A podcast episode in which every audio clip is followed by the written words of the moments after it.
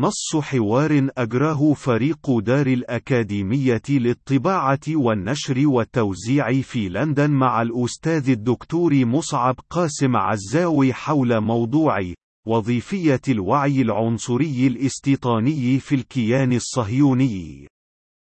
فريق دار الأكاديمية ما هو رأيك بكون العنصرية مكون عضوي لا يستطيع الكيان الصهيوني الاستمرار دونه بشكله العياني المشخص إسرائيليا؟ مصعب قاسم عزاوي حمل ويحمل جميع المهاجرين الوافدين إلى أرض فلسطين لإحتلالها، أو إعادة الحلول بها بحسب الرأي الملفق تاريخيا، والتي فندها بشكل علمي مدقق العالم المؤرخ اليهودي شلومو ساند في كتابه صناعة الشعب اليهودي، كل عوامل الخلل البنيوي في تشكيل العلاقات بين البشر التي شكلت جزءا من عقابيل نهوض الرأسمالية بشكلها الاستعماري، وهنا أعني بالخصوص ذلك النموذج من الوعي العنصري الوحشي الذي ينظر إلى غير ذوي البشرة البيضاء كجنس من القرود الذين لا ضير ولا ذنب في اقتراف ما شئت بحقهم نظرا لدونيتهم وعدم تمتعهم بأي مشاعر أو أي أحاسيس أو إدراك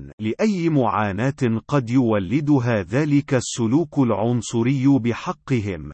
وهذا التوصيف الأخير هو إعادة صياغة وتكثيف لرأي رائد الفلسفة الروحية في الغرب جورج فيلهيلم فريدريك هيجل بعد ترشيد الحمولة العنصرية فيه واستبطانه لنمط من اللغة الهرائية المتعمد تعقيدها لجعلها تبدو أكثر حكمة وعنصرية في آن معا وهؤلاء الوافدون إلى أرض فلسطين استشربوا واجتماعيا ذلك النمط من الوعي العنصري الاستيطاني سواء بشكل فاعل أو منفعل وخاصة أن المتصدرين منهم في صناعة ذلك الوعي وتوطيده ومأسسته. كان معظمهم من أبناء المجتمعات الأوروبية البيضاء إبان إشهارها عن وجهها الاستعماري العنصري القبيح دون رتوش تزويقية في نهاية القرن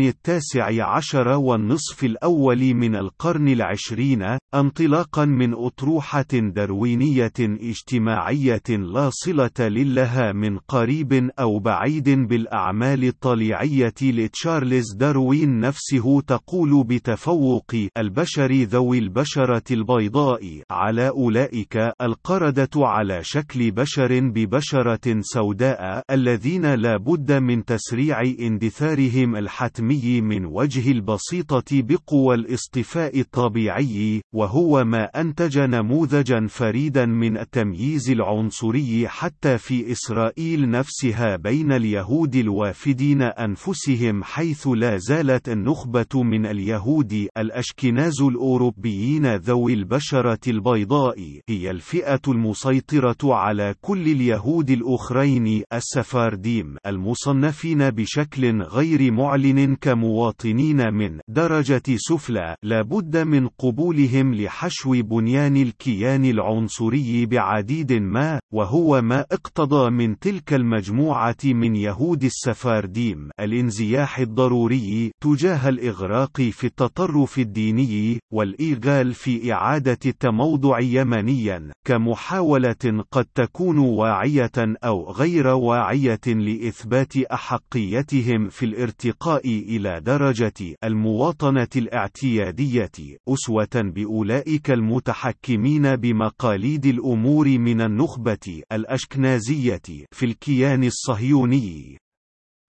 وقد تكون مظاهرات يهود الفلاشة من أصول أثيوبية المتكررة في الكيان الصهيوني وخطابها السياسي الواضح عن التمييز العنصري الفاشي بحقهم نموذجا عيانيا مشخصا عن ذلك الوعي العنصري المتأصل في تكوين مجتمع هجين لا يرتبط المتشاطرون فيه سوى برابط واه مختلق أو أحفر التنافر من أخاديد التاريخ الغابر الذي عفى عليه الزمن والتقادم.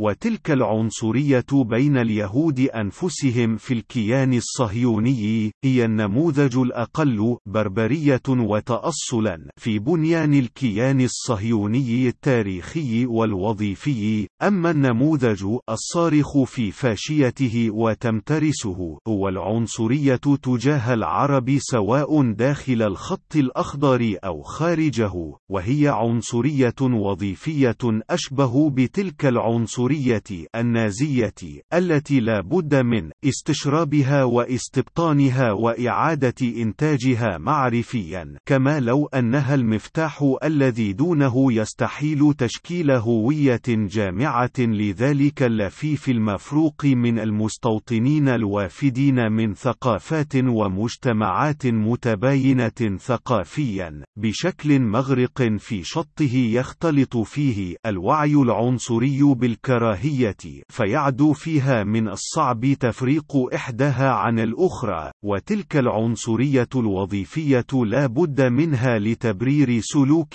الاحتلال وإفناء شعب ما والاستيطان في أرضه لضمان التبرير الإيديولوجي والشرعنة العقلية والنفسية لسلوك القتل والتدمير المنفلت من كل عقال وضمان عدم تمكن المشاعر الإنسانية الفطرية التي تدفع بالبشر عفويا لإغاثة الملهوف والارتكاس الغريزي لأي بكاء طفل صغير لنجدته من الإفصاح عن نفسها في ضمير الجلاد حينما ينظر في عيني ضحيته. وهنا تعمل الكراهية بدور تكميلي لجوهرها العنصري بإعادة تخليق ذلك المكروه بأنه الآخر الذي بقاؤه يمثل تهديدا وجوديا لذلك الكاره الذي لا خيار له إلا بالتحول بلطة على شكل إنسان لإفناء ذلك الآخر عنصريا وكرها بكل الأشكال والممكنات.